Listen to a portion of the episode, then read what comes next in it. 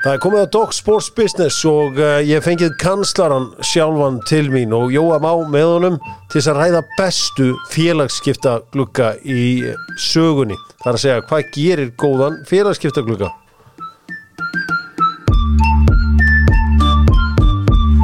Dog Sports Business með uh, Íslandsbanka og Íslandsbanki ja, það virkar þannig að þeir eru með The Open Lake það er að segja ef þú uh, notar Mastercardið og uh, notar fríðutilbóð fyrir 13. júni og þetta er í pott og getur unnið ferð á The Open, British Open sem að er eitt flottasti íþróttaviðburður í heimi á hverju ári bara nota eitt fríðutilbóð fyrir 13. júni Nokko eru sérstaklega vinir Dóttor fútból og uh, Nokko Ramoneit er vinsalasti orkudrykkur á Íslandi og það er alveg góð og gild ástæða fyrir því.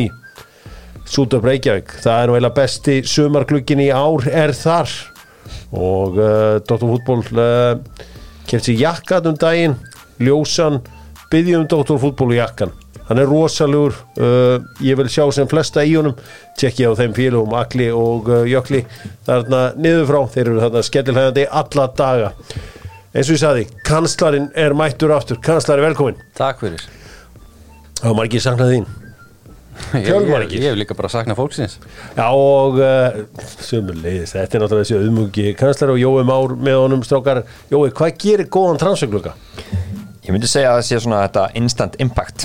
Sem bara færð á liði þú kaupir leikmenn sem fara beint inn í byrjunarliði og þú veist, gera liðið átomættis betra. Þetta er svona einfaldaskýringin, við skiltum líka að skoða þetta og þegar vorum að fara yfir þetta svona í sögulegu sammingi þú veist, eru þeir seldir aftur síðan, fyrir mikinn hagnað þá er það, þú veist, þá þú veist, er það í sögulegu sammingi mjög gott og svo bara hvað stöðir hafa eina félagsins en eftir langa tíma. Það er þetta legends og þannig Það sem ég ætla að við ætlum að svíga aðeins fram hjá núna, við getum tekið það setna bara og við skorum alla að koma ábendingar inn á Dr. Leikmenn Facebook síðan okkar um góða íslenska glugga. Ég svona, mér dætt strax í hug þessi gluggi á Breiðarblik 2021 þegar þeir taka dag-dan frá uh, lélugu fylgisliði sem fellur, það er að segja lélugu liði þá uh, sem fell, uh, leikmann sem fylgir var ekki að nota og tók Ísaksnæ Þorvaldsson úr uh, skaliði sem var að ströggla. Þeir búa til flottar sölufurur úr báðum þessum leikmannum og uh, svona sem dæmi um uh, velhæfnan íslenskan glugga og endilega pikkið í mig og uh, sendi á mig eitthvað góðan íslenskan glugga. Kannski gerum það svona sérstaklega.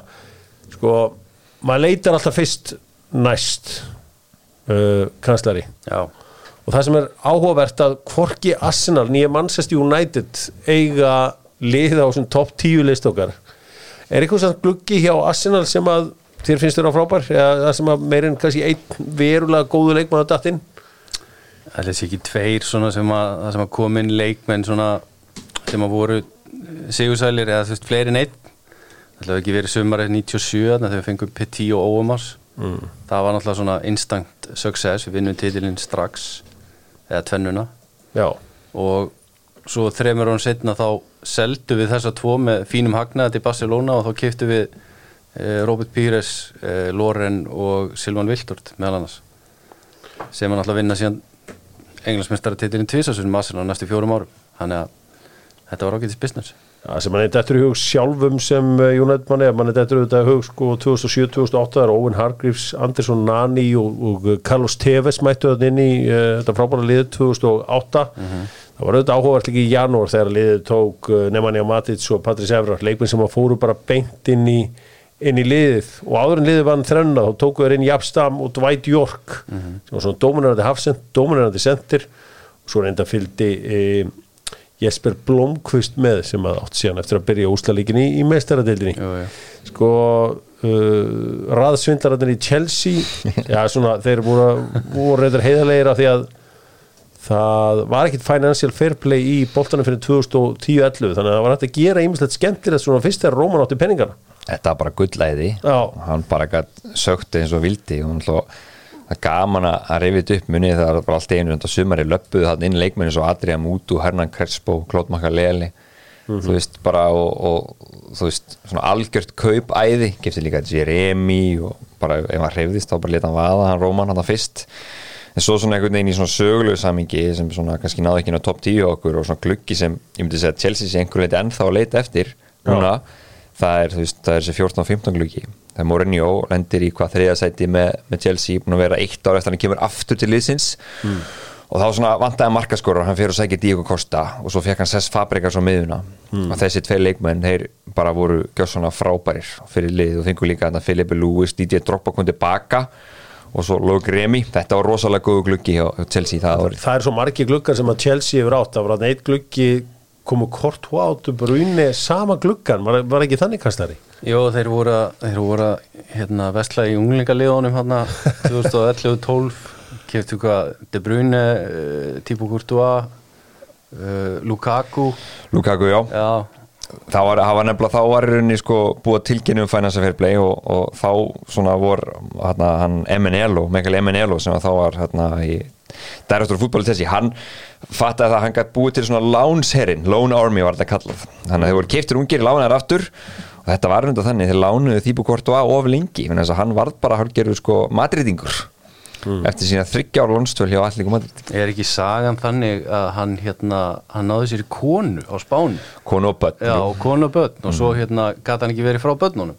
Það kemur aftur til hérna að þú tókst þetta aðná 2011-2012 þessum að Juan Mata, Lukaku, Thibaut Courtois, Gary Cahill, Kevin De Bruyne koma allir inn í þetta og svo er hann nótafur leikmaður eins og uh, já, Oriol Romeo sem átti að meika að annar staðar og Rálmer Elis sko eiginlega öll stærstu nöfni sem koma aðni en í sögulegu samhengi eru ekkert notaðir til að byrja með. Já. en þeir vinna samt mistradeldina í þessu stórfurðulega tímabili heldur betur og svo ári eftir sem að því að Chelsea eru svo dominerandi í þessu er að Di Matteo er með lið og hann næri tvo svona leikmenn sem verði tíu ára þess að 2012 sumarið mm. þá kemur hann með Edrin Hazard mm. yfir línuna mm. Og Cesar að spila kvöta þannig að það verður að teljast uh, vel hefnaður gluggi. Sko við ætlum að vera í topp tíu. Ég meina Leopold hefur átt hörku glugga. 17-18 þá náður í Mo Salah frá Róma sem er ábyrðilega einhverja allra bestu félagskipti í sögu í ennska bóltans en það var ekki nóg með að hann hafi komið inn í þeim glukka heldur kom Andy Robertson frá Hull og svo Alex Oxlade-Chamberlain sem að reyndar hefur náttúrulega hans ferið litast af meðslum en allavega Salah og uh, Robertson Það eru það er vandfundins á leikmaður í sögu ennsku úrvarsleildarnar sem að býður upp á meira value for money heldur en Mo Salah. Já, hvað kostar hann? var ekki 34 eða eitthvað svolítið já, það var, já, ég held að það hef verið svona 34, 38 eða eitthvað. Já, þetta var, þetta var tæpar 40 miljónir, náði því ekki. Og, og hérna hann er eins og segi bara eitthvað stöð á þessa leikmaðurinn svo held ég að þetta sé þessi Andi Róbersson kaup þetta var nú margir sem svona var ekki allir að taka eftir hann í þessu hölliði en, en klopparinn gerði það og, og ekkert eðlilega hérna hvað hann hefur reynst en vel. Þegar að hugmyndirna sem þetta kom þá uh, fór hausin á mér einhvern veginn beinti í njúkassuliðu 2011-2012 en svo er ég að skoða þetta, þetta var kannski ekki hitt frábært en þetta var þó Johan Kabay, Demba Ba. Og uh, svo reyndar í janúamannu kom svo Papi Sissé, þetta fræða tímabilaði sem er lendið í fymtasæti um, það var eins og með myndað að það komið einhverjir betri leikmennan inn, ég menna þú veist við þurfum ofta ekki að leita neitt rosalega langt, við sjáum algjör sko fantasíglugga í raun og veru ef svo má segja hjá Paris Saint-Germain 2021-2022 þegar Afram Hakimi kemur þarna kannski besti eftirsóttasti hæribakur í heimi Lionel Messi mm.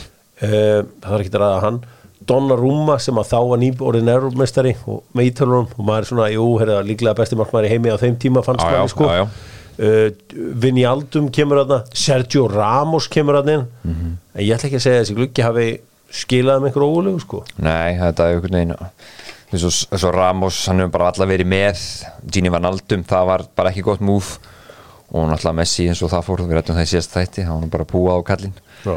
þannig að eins og segi, þetta er það, er gluggi sem lukkar ekkert eðla vel á bladi en skilaði liðun ekki miklu Nei, heldur betur ekki og uh, það er eigum við eitthvað vondan glugga við eitthvað svona, því að bótaréttur er með okkur svona, þú hefur lendið í einhverju slæmi slæmu, við eitthvað glugga sem var alveg skelvilu sem bara svona, herðu leit vel út á pappír en, en skilaði kannski ekki alveg því sem hann átti að gera Ég sko með alltaf bara þessi horrorgluggi hérna 2017 hjá Chelsea þegar við taka Tímuði Bakayoko og Danny Drinkwater og. Sapa Costa yfir línuna sko og þessi gæjar kostuðu allir því líka pening. Þetta er í bótaréttur sko. Já, og það var veist, þeir eru sko til þessi ný hætt að borga sko hérna Drinkwater og held að Bakayoko sé enþá á bókum félagsins. Já. Þannig að það voru svona horror gluggi. Var ekki Líka var Antonio Conte brjálaður. Var ekki hérna sömur 2007 eitthvað svipað hérna, og líka 2015 í bæði skiptin hérna eða síðan Mourinho var- snemma á tímabilinum og eftir. Lélegasta leikmaði sem við spila fyrir Chelsea oft kallaður Papi Gilo Bocci við komum inn hann 2015 fyrir horror tíðanbili 15-16 spilaði eitt leik og það var áfall fyrir bara hópin þegar hann byrjaði að æfa en það var svo lélegur. Segir sagan. Það segir sagan. Það var auðvitað þessi frægi gluggi hjá Tottenham Hotspur þegar að uh, þeir seldu Gareth Bale og það var alltaf svona mynda mönnum sem kom í staðinn. En þegar þú hugsaði tilbaka þá stóðu sem menn sig allir ágætlega kannski ekki allir hjá Tottenham en Paulinho, Nasser Chadli Roberto Soldato sem var eitthvað flop Etienne Capu, Vlad Chirises Kristjan Eriksen og Erik Lamela getur ekki sett að Eriksen hafi verið hitt Jú, Jú, klart, klart, klart. Lamela varð aldrei þessi stjarnar sem menn voru að vonast til en hann var alveg Skal hann kosta? áreðanlegu kostaði? Ekki eitthvað 30? Jú, Hann, hann átti að vera hann átti að vera hérna í svona bara like for like fyrir beil alltaf opbóslega stóri skóra að fylla Þessi var ekki alveg like for like fyrir uh, Gareth Bale en uh, þetta var allavega leik þá var tekin þessi penningu fyrir Gareth Bale og pumpað strax út í liðið. Þetta er oft hættulegt að gera þetta taka svona marga í staðin fyrir einhvern einn. Svo svo gaman fannst mér að skoða þegar maður var að skoða söguna þessu það er þessi, þú veist, fyrir, svona, vorum svona mikið kannski manager in the 90s að skoða mér svo Parma 97-98 mm. Lilian Thuram frá Monaco taka Hernan Crespo til Európu fyrstir til- frá River Plate. Mario Stanis, Enrico Chiesa. Þetta er svona þekkt nöfn. Parma var með helviti skemmtilegt lið á þessum tíma. Heldur betur uh, við erum svona líka með hérna, Krakonotti liðans Lazio. Uh, nei hérna Lazio liðans Krakonotti sem að við það 98-99 tekur Kristján Vieri Marcelo Salas, Ivan Döla Penja Fernando Couto, Sinisa Mihailovic og Sergio Corseo Já, að enda í öðru sætu eftir Juve, þetta tíðanbíl helviti góðir. Var að mestar að það 2000 eða 2001 Já, Já, það er að mörgu að taka í þessu hérna sko ég, ég merti líka hérna húl 14-15 þegar þeir taka Harry Maguire og Andy Robertson. Harry Maguire frá Sheffield United og Andy Robertson frá Dundee. Og svo taka þeir líka uh, Jake Livermore og Robert Snodgrass. Kannski ekki rosalega uglugi en en ég var svo þræl skemmtilega Abel Hernández sem átti svona 2-3 góða leiki einn af þeim sem kom í premi einhvern veginn. Það er alveg fín öfn þarna svona júst notæfir Premier League leikmenn sko. Já, en þú veist þetta lið fjall samt sem áður sko. Heldur, heldur betur. Uh, ég, ég svona, það, það er svo margt í þessu. Ég er, ég er með hérna líka svona special mention á Liverpool janúar 2013 af því að þeir taka hérna Daniel Sturridge sem fór bara beintin í klubinu og byrjaði að skora. Og þeir eruðu title contest ára eftir. Og þeir tóku síðan Coutinho eins eða seldu síðan uh, myndarlega uh, mörgum að 5-6 árum síðar til Barcelona og reyndist vera afar góð sala fyrir uh, Liverpool. Það var líka bjóð til svona ákveð capacity í þeirra bókum. Að geta tekið inn kaup eins og Völgi van Dijk og, og síðar með náttúrulega Alisson. Við skulum fara að skoða top 10 listin í þessu öllu saman. Tíundu bestu kaupin. Þegar þú ætlar að borða átegismat þá er nokkuð aldrei tíundu bestu kaupin. Það er alltaf bestu kaupin.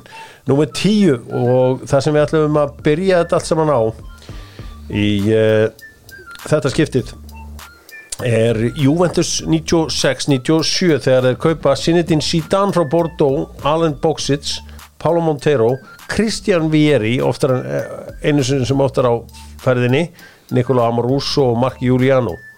Vinna deildina og tapa úsleiknum í Champions League fyrir Dortmund eftir að vera í Champions League árun áður. Já, þeir unnu Champions League 96 og framherjaparið þeirra var Vialli og Ravanelli.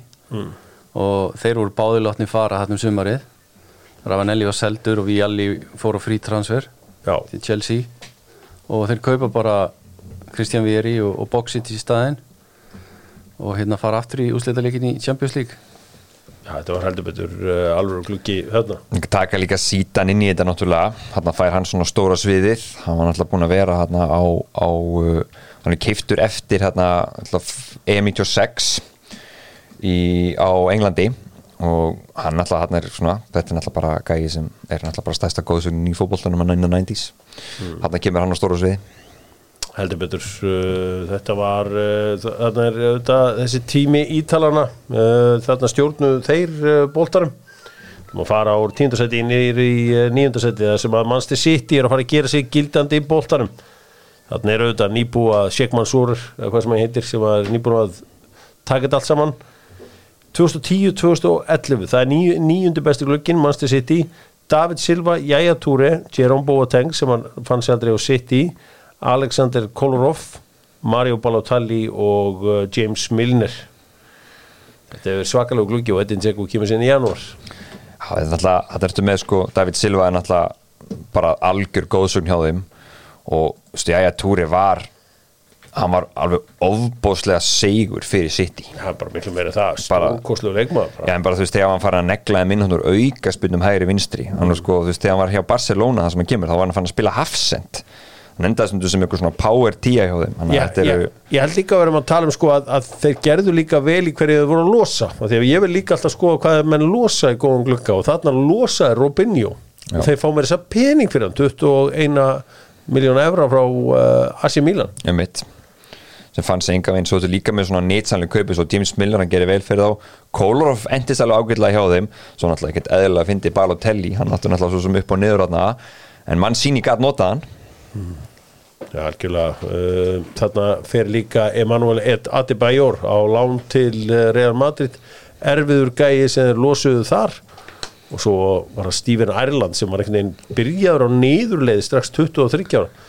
Þeir losa hann fyrir pening og fyrir ykkur sem munið ekki á þessum tíma var mannstu sitt í að borga svo há laun þeir sprengdu alla skala þarna á þessum tíma að þeir voru yfirleitt að borga rosa mikið með lánsmönnunum sínum eitthvað sem að stef sem að þið Chelsea menn þekki ágætlega. Heldur betur. En þetta er að það sjáu strax þegar þú byrjaði að vera smart. Í rauninni varandi, þeir eru að losa erfega og taka inn í rauninni góðsagnir. Hmm. ja, heldur betur. Uh, þetta er uh, flottur gluggi hjá þeim. Gunnar Nílsen uh, er látið fara þarna líka beint í FA reynda beint í Tranmer Rovers förum úr nýjöndarsæti í áttasæti þar sem að Leicester City eru meistar af 2015-2016 þar um að rekrútment sé erfiðasta í bransanum. Þeir kaupa þarna fjóra leikminn beint í byrjunalið Engól og Kanter sem að röldir beintinn á miðsvæðið og auðvitað breytti bara einhvern veginn þessar stöðu í heims fótbollum á vissan hátt. Mm -hmm.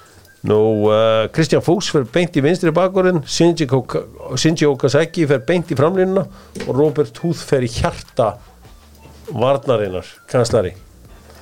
Fjóri leikmenn sem rölda bara beint inn í eitthvað byrjunarlið sem er alltaf saman. Já, já, þú veist, eins og segi, fjóri leikmenn í byrjunarlið, uh, það sá enginn fyrir þetta tímanbíl hjá Lester, það sá enginn fyrir að Engól og Kanti heyrði, þú veist, það vissi enginn hver sem maður var. Þegar hann allt í hennu mætir hann til Lester og bara eh, hleypur meira heldur en allir aðri leikmenn í deildin til saman sko. Og já, ég menn, þú veist, þetta er ekki teka flash í nöfn, þetta skilaði bara teitli Já, nei, nei, og, og náttúrulega bara þegar hann náttúrulega bara spá falli reynilega sko, náttúrulega enginn eitthvað sérstaklega trú á þessu, þeir voru búin að vera klókir. Ári áður takaði Ríad Mares þannig að það var hérna hann er bara kiftuð samt úr þú veist lík duð já, annar dildin í Fraklandi já, og hérna bara ákveð 500.000 eurur eða eitthvað álíka sko. Og Kante er unni frá Cayenne þú veist þetta voru ekki, þetta voru lengið upp þannig að það voru þeir bara komið eitthvað óbáslega hitt í skátingsystemi hérna hjá þeim. Okazaki er sko dýrastileikmaður eða þetta sumar mjög duglur framherri og, mm -hmm. og hérna og svo Gökan Inler, þeir kiftu hann frá Napoli sem var búin að vera fastamar á miðunni á Napoli hann spilaði rosalega lítið hjá hérna Lester vegna þeir voru alltaf að spila á sama liðinu. Bara drinkvotur og kanti sko leikmæri hérna sem mér þess að tókum ekki fram sem datatinn var eh, Daniela Marti en hann svo sem skipti nú ekki öllu máli í þessu öllu saman. Leðilegt fyrir Esteban Cambiasso hann verið á blatt að spyrja því, já varst þú ekki Lester? Það var árið áður. Já, um mitt, hann fór. Já, hann fer hérna til Olympiakos en uh, já, fáralega vel hefnaður klukkið þarna hjá Lestir á þessu ótrúlega tímabili 2015-2016 eh, Við ætlum ekki að fara langt aftur í tíman til að finna næsta klukka, það er Napoli 2022-2023 Kensler hvað var Napoli að sækja svona merkilegt fyrir þetta tímanbili núna þegar eru unnur loksins titlin í fyrsta skipti síðan hvaða, 91 eða? Síðan 90 Já, uh, ok. Ég held að sé sko þessi ágætt að setja þetta svona og horfa þess á þetta tímabil og, og hugsa með sér hvað heldum en að væri að fara að gerast hjá Napoli í vetur Já.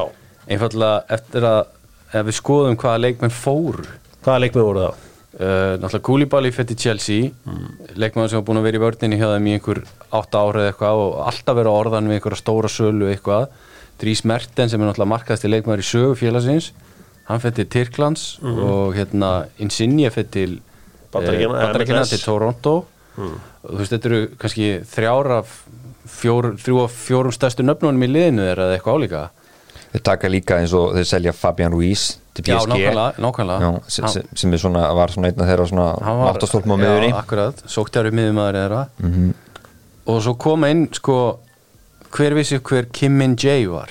Hver vissi hver uh, Kvisha Kvarskelja mm -hmm. Þetta er ótrúlega skáting sko þetta er þessi Cristiano Giuntoli Já. sem einhverju reyndar að orða frá uh, Napoli akkurat núna. Það er helvítið óvand að Jú veru vist að reyna ná honum. Já en hann hefur fundið margan gullmólan í þessu öllu. Náttúrulega sko stærsti gullmólin sem hann fann er líklega Viktor Ósímen sem hann gerði þarna rétt áður. En hann sér átt eitthvað high level í leikmunum eins og sambóin Gísa. Ég ætla ekki að þykist þeirra einhver overskátt mm -hmm. bara athletisismin í honum bara alltaf eitthvað svona sem að það var eitthvað þarna. Alveg klálega sammálið það var eitthvað þarna. Hann sendir sama með hérna, Tange Ndombele. Þú veist það er eitthvað þarna í þessum reyfingum á þessum gæja. Þannig að þetta er, er ekkert eðlalega klár gæði svo líka tekur hann láni Giorno Simone sem var svona í smál hlutvekki og líka Raspatori.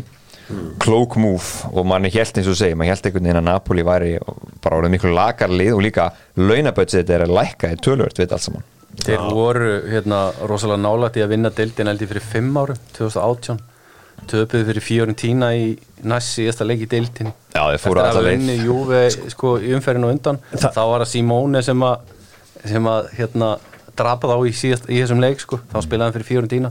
Það er oft verið að tala um svona transagúru eins og þessi maður sem vorum að ræða hérna. Monki er annar, Monchi hérna, sem var hjá uh, Róma, Róma. Já, uh, hann reyndi vel meina að hann personlega hann hafi svolítið feilað hjá Róma þó hann hafi reyndar að eigi hvað Alisson Becker uh, Mohamed Salah Já, en setja síðan aftur mm -hmm. Uh, hérna Edin Dzeko Edin Dzeko, hann tók líka Rúdíker fyrir ódýrt og selta hann aftur Já, þannig að það eru svona transfergúru í þessu uh. það var eitt svo leiðis hérna hjá Lester, það er þarna einhver breskur kallarna sem var hjá Lester Steve Walsh, Steve Walsh, já. Walsh já. Er það ekki gamli leikmaður? Nei, það er ekki Hafsendin gamli. Ekki gamli Hafsendin, þetta er einhver annar. Hann Steve Walsh fór síðan með til Everton. Mm -hmm. Sko, ég, ég var að velta einu fyrir mig að því að maður ræða transfer. Og við flöggum oft mikið með okkar íslenska fólki. Sko Gretar Ab Steinsson hefur verið performance ekkur direktor eða hvað sem hann er þetta hjá Tottenham. Sko er það eitthvað sérstatt í dag að verið hjá Everton? Mm. Og fara svo til Tottenham. Vitið hvert ég er að fara? Þetta er búið að vera frekka þungt hjá þessum liðum sammála því. Er ég of grimmur þarna, Kensler? veit það ekki. Ég er bara að velta þessu fyrir mér hvort að, hvort að hérna, þú veist, ef, ef, ok, orðan þannig. Ef hann hefði verið hjá Napoli mm -hmm. og þar á undan hjá þú veist, mannstu sitt í eða eitthvað þá væri maður mikið að ræða hérna hvað hann hefði gert. Við getum líka orðað þannig hvort að hlutabrefin séu að há með að við undarfæri misseri. Annar svona transfigúru Luis Campos sem er núni á PSG mm -hmm. hann smíðaði þetta Mónakolið Já. sem var gjörsamlega störtlað með Bernardo Silva, Kylian Mbappe og Thomas Lemar og þöllum sem bara síðan var selt á einu bretti árið eftir að fóru undanlösni meðstaldinni Ég held að hann uh, sé tilbúin að fara að vinna með uh, Jose Mourinho talandum uh, það PSG er nummer 6 á listanu hjá okkur. Það er Paris Saint-Germain glukkinn 2017-2018 þegar þeir sprengtu alla skala og keftu Neymar frá Barcelona. Sko sæningið á honum er ekki bara verið að kaupa leikmann það er verið að kaupa sko ótrúlega vöru sem er neymar og setur auðvitað Parísins sem annar svolítið annan stað á þessum tíma. Þeir líka taka Kilian Mbappi fyrst er þetta á lánu frá Monaco en það var reyndar allt klappa og klárt. Þú þurft að gera þetta til að passa inn í Finance Fair Play. Það er alltaf alveg ótrúlega saga og bakvið þetta neymar, þess að neymar sölu. Í rauninni þá kaupir PSG hann ekki. Þeir sæna hann frítt en þess að hann kaupir sjálfur upp samningin Já. með peningum sem PSG lætur hann fá. 200 og hvað 20 miljónir efra hvað, hvað sem þessu uppað var. Mm. og þetta fór í rauninni fram og tilbæk ykkur dómsmáli og þeir voru að leita eftir að fá okkur skadabætur í hvað og hvað, lengi lengi vel. Svo sjattlast það nú þegar voru hann að kaupa hann aftur þegar Messi var hann að hafa hann tilbaka sem sem gekk svo ekki aftur þetta er alveg, þetta var lígin líka stóðið munu hvað þetta var mikil heift í Barcelona og hvað þeir fóru bara svona algjörlega út á sporinu við þessa sölu og réðu ekkert við sig þegar þeir fengu alltaf þessa peninga eftir þessa neymasölu og talandu um slæma transferklöka það er sannlega, eiga þeir sannlega þann vest að þeir ofborga svona svakalega fyrir Coutinho þarna mm. og taka hérna, manni ekki eins og hvað hann heitir gæjan frá fullta peningum úr Fraklandi sem fór sem bara til Rústlands vengmaðurinn brasilíski. Oh. borguðu eitthvað offjár fyrir hann 40-50 miljónu punta og, og hann endist ekki. Hvað ár? bara þetta, þetta ár. Já, hérna Malcolm. Malcolm, Malcolm, velgert kanslari Zenit. Fór til Zenit, þannig að þeir fóru bara algjörlega off the rail við þetta allt saman setti bara Barcelona svolítið hafa ekkert náð sér eftir þetta Sko Barcelona hafa þrýsa sinu mist leikmenn þar sem að annar lið hefur bara mætt og borgað klásúluna í samninginu þeirra mm. það er Ronaldo eh, brasilíski 97, mm. svo Figo 2000 og svo Neymar 2017 mm. í rauninni í öll skiptin voru þeir bara greifnir í bólinu þeir voru bara ekki reddi með neitt plan hvað þeir ætti að gera ef þetta myndi gera sko. Og þetta 2017 er náttúrulega alveg veist, þannig að fara þér og vilja kaupa hérna Úsmann Dembele fyrir náttúrulega sennilega tvöfalt það sem hann kannski raunverulega hefði átt að kosta sko. Já, já. og Leopold náttúrulega snýr upp nokkur sunnum upp á handleikin á þeim fyrir Coutinho hérna í janúarklukkanum sama tímabil. Þannig að þú veist, þeir voru bara alveg gjössalega úrbeinaðir peningarlega af öðrum liðum því að vissallir að þeir ættu cash to burn. Ég meina, svo kom um títi að það var einhver hróttalegum launum. Já, já. Uh, það, það var alls konar og svo allir vissu að hann væri með ónýtt nýja sko. Já.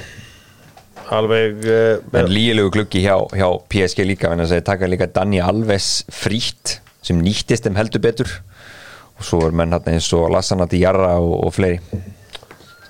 Förum yfir í 15. seti og þá er það uh, kunnulegt lið því að Chelsea er þar Roman Abramovits kaupir Chelsea og það er útrútt að hugsa til þess að það er sama sumar og Cristiano Ronaldo uh, fer frá Sporting til Manchester United.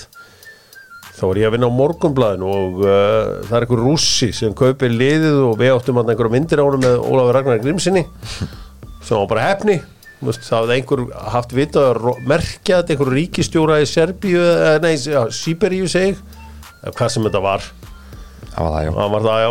og, og uh, þarna hann kaupir á 2003 stóri glögginn kemur þegar tekur Jose Mourinho uh, vorið 2004 og sömari 2004 kaupir hann Didier Drogba Petr Cech uh, Arjen Robben Carvalho Paulo Ferreira Tiago og svo reyndar Matea Kesman mm -hmm. The Curse of Number 9 byrjaði þarna hjá Chelsea. Matea Kesman svo fyrst til að fá hana beint í andliti mm. en það sem var sko að því tíman byrjaði áður þegar hann kaupið liði fyrst og ég var að segja á þann þegar að lappa hann alls konar menni í gegnum dittnar eins og Mutu og fleiri þá var eiginlega ekkert plan í gangi. Þessi Mourinho kemur, hann kemur plan. Og fyrsta sem hérna Róman segi við Mourinho herru hérna, ég vil að kaupum Andrei Tjechenko. Mm. hann var alltaf að koma Tjechenko í Chelsea, hann Roman Abramovic uh, og hann segi nei við ætlum að kaupa Didier Drogba. Og þá vissi Roman Abramovic ekki hvað Didier Drogba var. Mm. og þetta eru líklega eitthvað bestu kaup í, í sögu Chelsea. Petur Cech er svo tekið frá renn og hann kostiði nú ekki mikið pening ég, ég, sko kaupi það ekki, enginn hafa ekki vita hver uh, Didier Drogba er Róman Abramovic Já, já, er sagt að Óla Ragnari horfur Róman Abramovic á alla leiki. Og þú þurftir ekki um að horfa einn Eurogóls þátt til þess að vera ástfangin á Didier Drogba því að hann var að Marseille sendirinn sem að fagnaði með því að hrista hendunar En þetta er það sem Móri segi sjálfur frá hvort, hvort hann var að hérna, eitthvað, eitthvað að færi stílin, veit ég ekki. Eh, Svo náttúrulega er þetta geggi kaup með Arjan Robben, hann var svona náðungi sem gerði maður svolítið spenntan. Já. Hann kom líka ekkert eðla vel inn í þetta ég mann að hann mittist í upp að tímabils eins og svo oft áður, svo kom hann inn á möndi Blackburn Rovers og hann að sko stútaði þeim bara í ykkur svona 20 minna kami og hann var alveg frábær Ég var einhvern veginn alltaf búin að sjá fyrir mér að Arjen Robben myndi fara í United og myndi taka við á Ryan Giggs. Það var eitthvað svona flying vangmaður örfættur. Mm -hmm.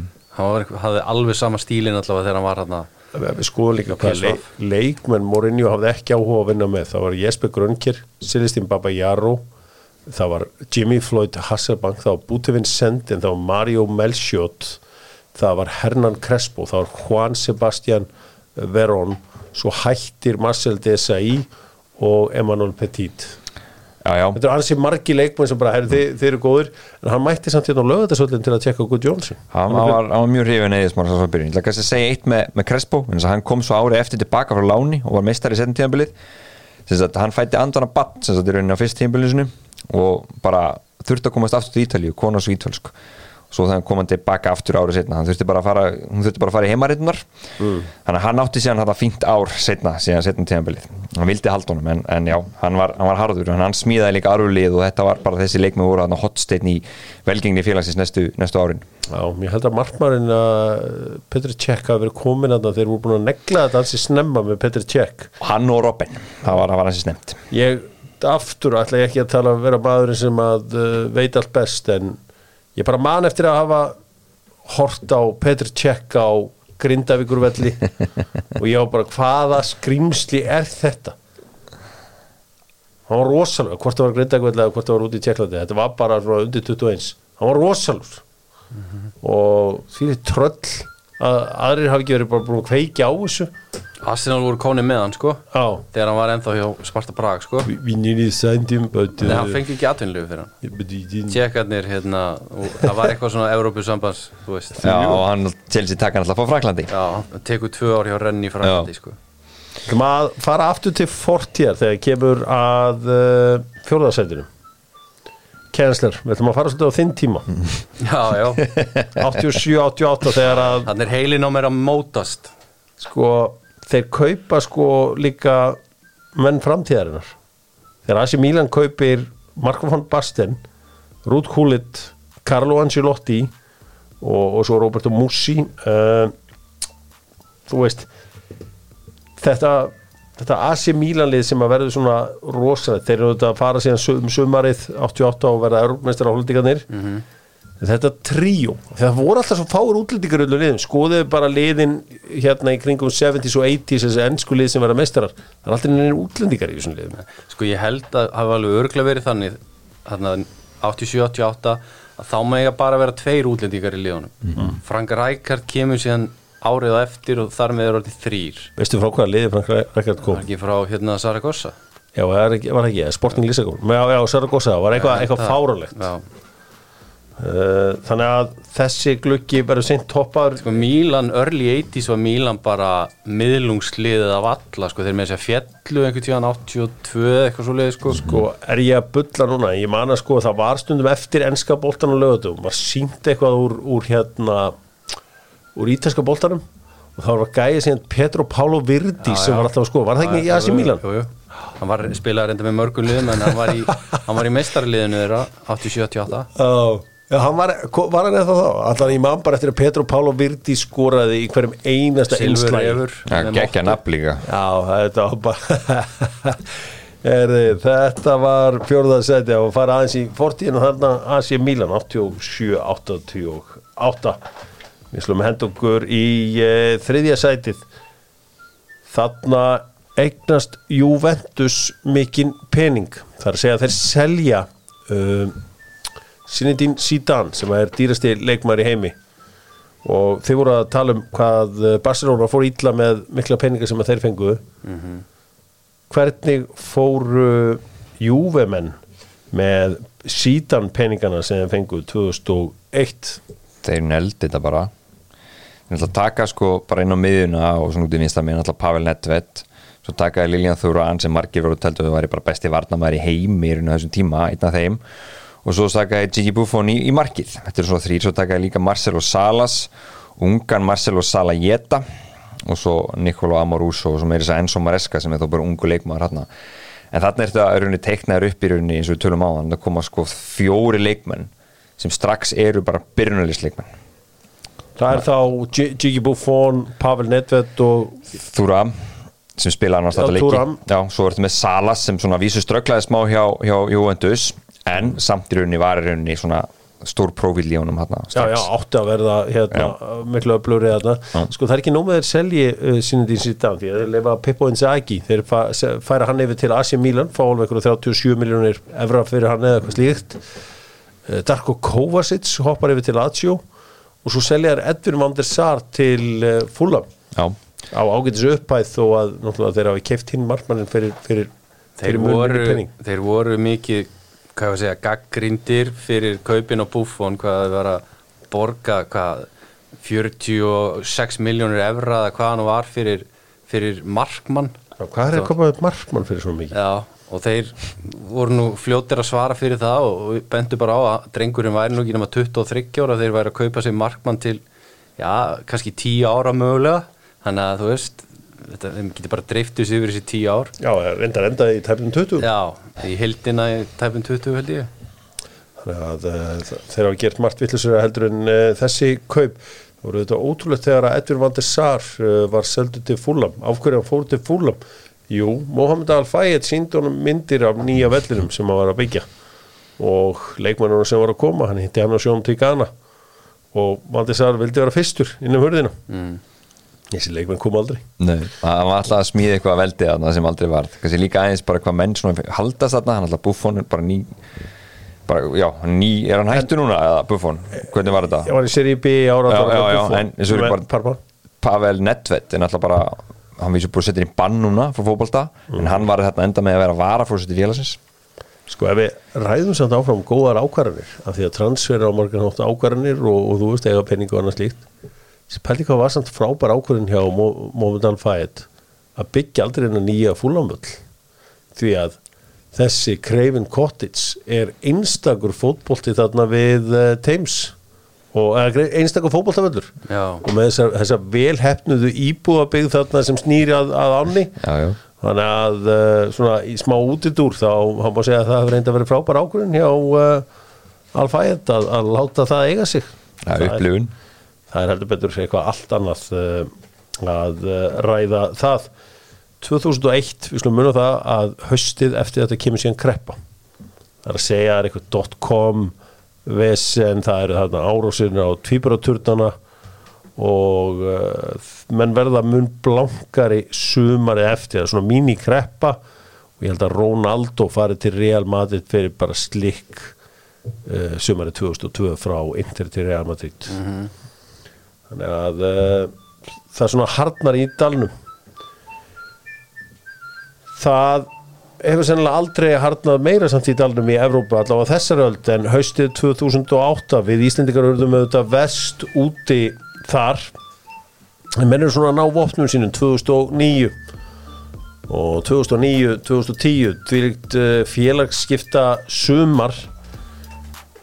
Jose Mourinho fer í sitt annað tímabill á Englandi og hann á glugganum með tvö þarna með Inter.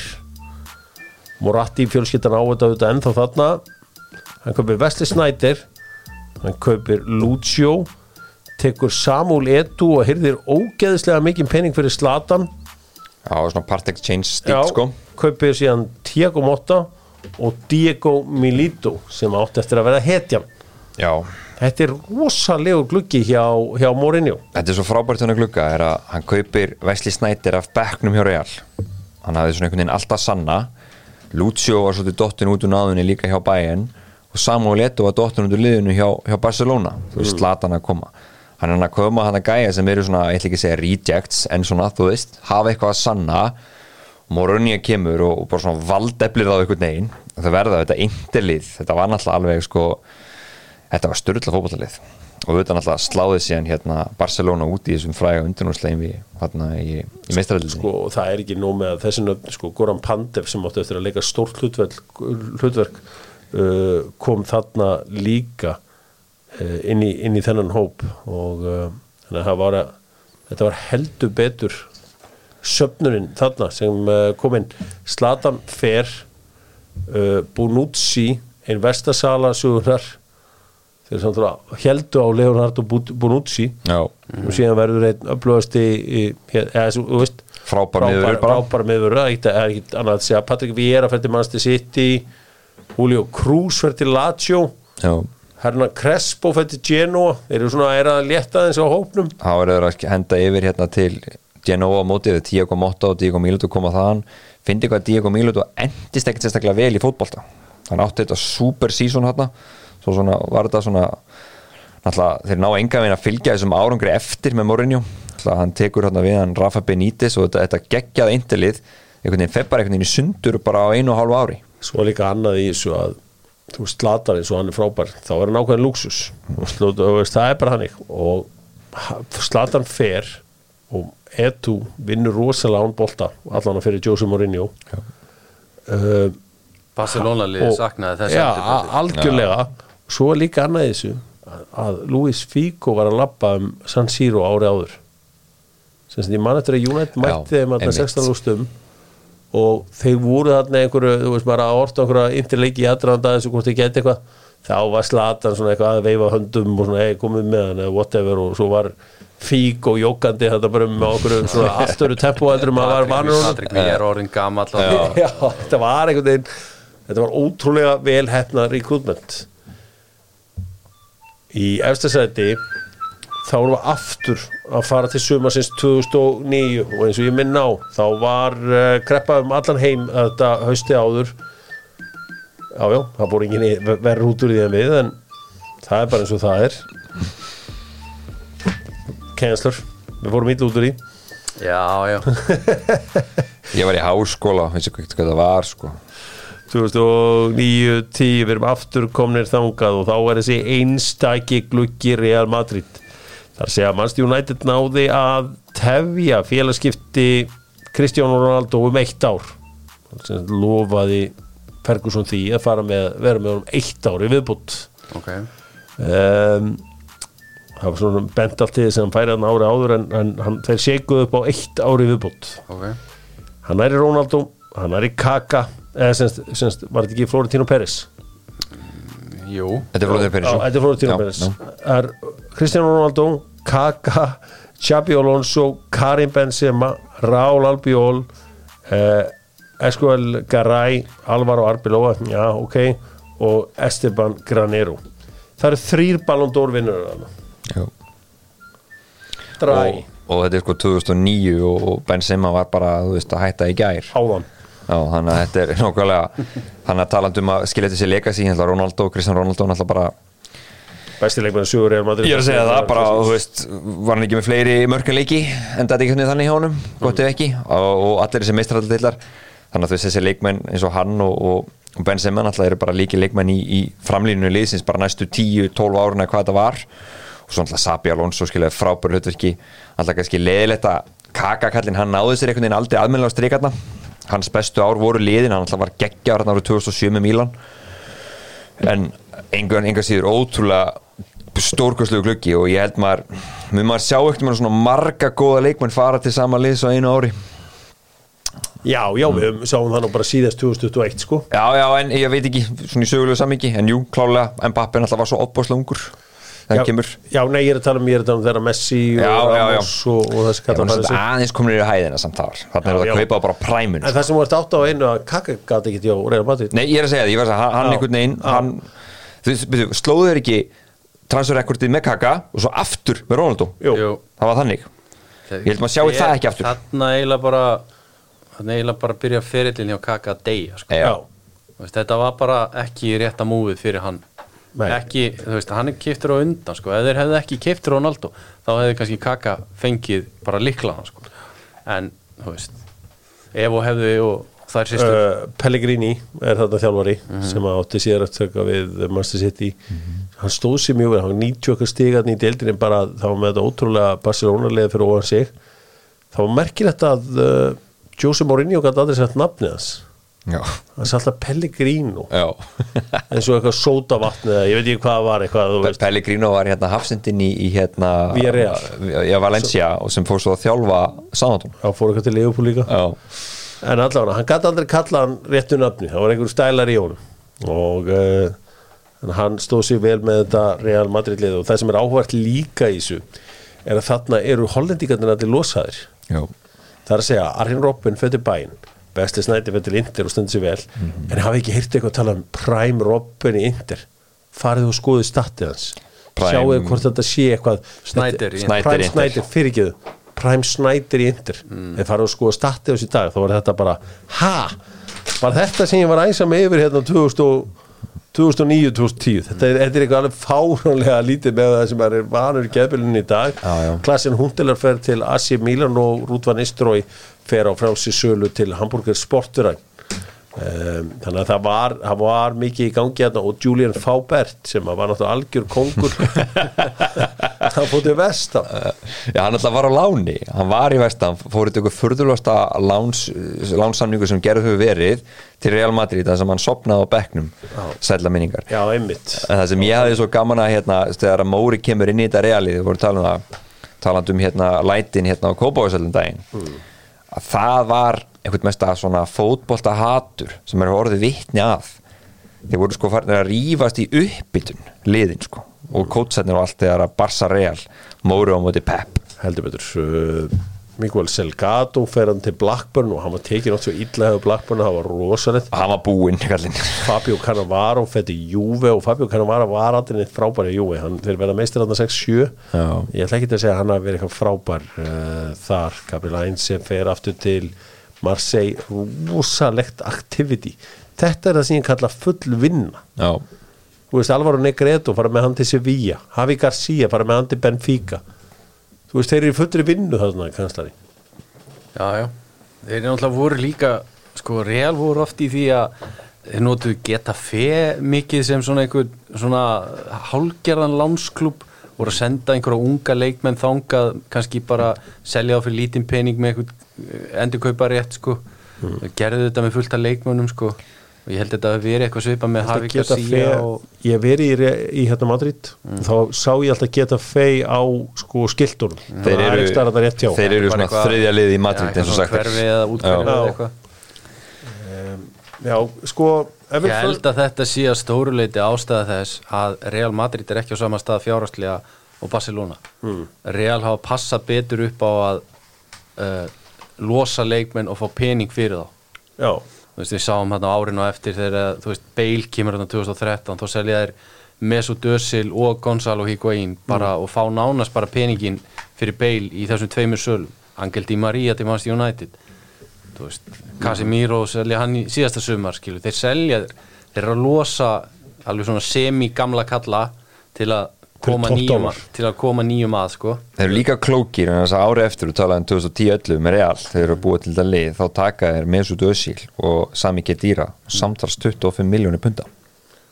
Kaupa og bara hræja útýrt sem sagt hérna frá annars var Verði Bremen og Stuttgart. Taka líka þá í rauninni Angel Di Maria sem alltaf frábær þjótt fyrir liðið.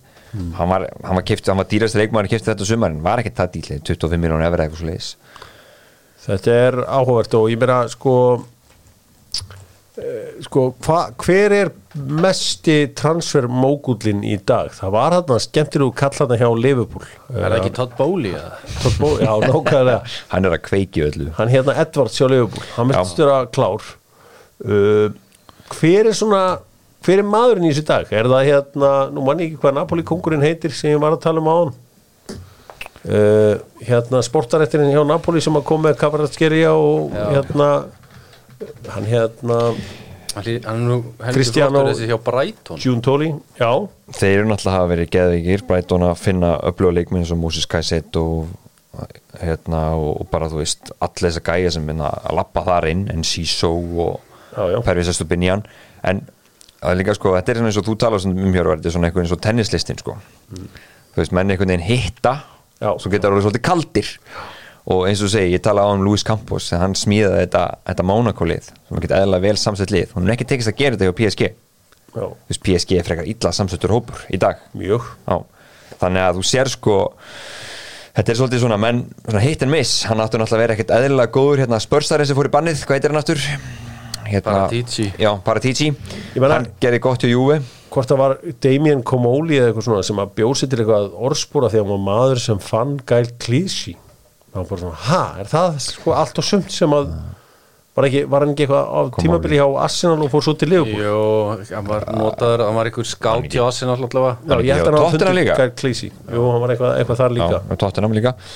Já, þetta er einhvern veginn, maður getur svolítið rúndað um hann var hérna, Frank Arnesen var, var svona heitur í þessu svona, hvað, early 2000 jú, fin, finna eitthvað svona leikmann hér og þar. Hann á þessa frægu setningu í dag sænaði efniræðasta leikmann í heimi og efniræðasta leikmann í Evrópu. Mm -hmm. þegar hann sænaði Ronaldo og Eðsmára til PSV uh, þannig að hann, hann gerði, gerði hérna garðin frægan í þessu. Svo getur það náttúrulega líka stundum gæst að þú ert kannski með eitthvað sem stjórnar transferunum og svo kemur eitthvað eitthvað stórt, eitthvað stórt nafninn sem stjóri og þeir kannski bara er ekki að tala saman um hvernig transferin eigi að vera sko. mm. og þá er bara, þú veist, það kannski nýbúið að ráða eitthvað stóran stjóra og þá kannski bara getur transfergúrun ekkit operreita lengur sko. þá gerast lestaslísin oft sko. Já, og það var nú eitthvað svoleið sem gerðist til dæmis hjá Chelsea á sínu tíma þegar að Mourinho kom í setnaskiptið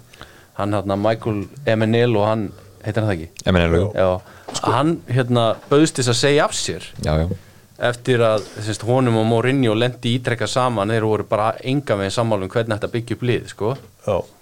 Og hérna en, en ég held að, við, ég held að hérna, Róman hafi neitað að samþykja uppsögnina en hann var allavega eitthvað hann færðu til færðu eitthvað til, fæði gardenlífið eitthvað sko. ég laka til eftir kannski nokkur ára að taka svona um Ísland og því að Óskar Rappn hefur verið mjög segur eins og hvernig hann fann þetta Róbert í afturöldingu að fann að vissi svo sem allir af honum en, en þú veist hann tók hann allavega hann fór seldan í MLS-stildin, hann færði hann út. Mm. tók Jasson frá afturöldingu og spjöði kerið hann að leikmanni. Og vorum að tala um Ísak, vorum að tala um Dag Dan. Mm -hmm og tala um þessar leikmenn sem á að vera fengnir og, og haldið síðan áfram.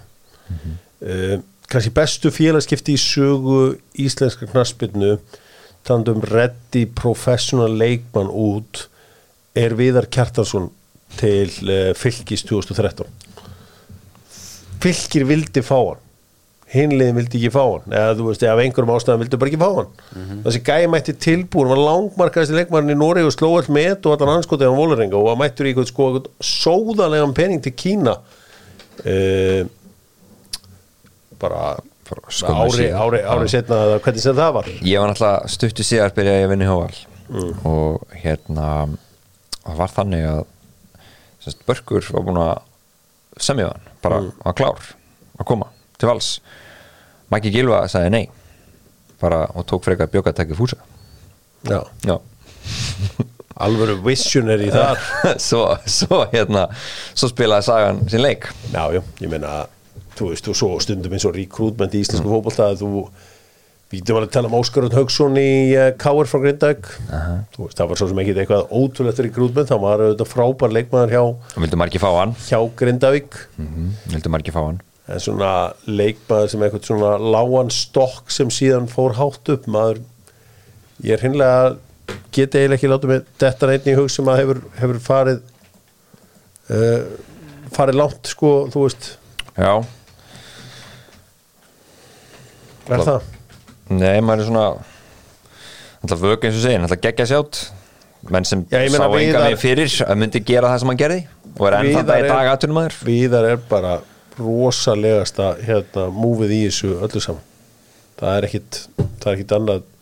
Það er lengið sem kemst í, í, í þann, þann flokk fyrir mér og ég meina að þú skoðar aðra leikmenn sem hafa náðu langt Siggi Jóns fóð bara skaganum og beint út. Já. eða þú veist Eður Smári, þú veist það var bara Eður Smári. Mm -hmm. veist, það var ekkit, þú veist að finna einhvern leikmenn sem síðan fer, fer hvort annar og stendur sér vel það er ekkit rosalega algengt.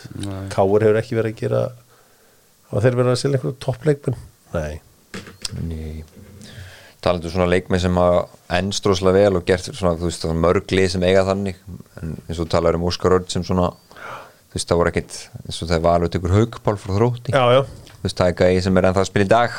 Mm. fyrirlega lísins í öll þessi ár.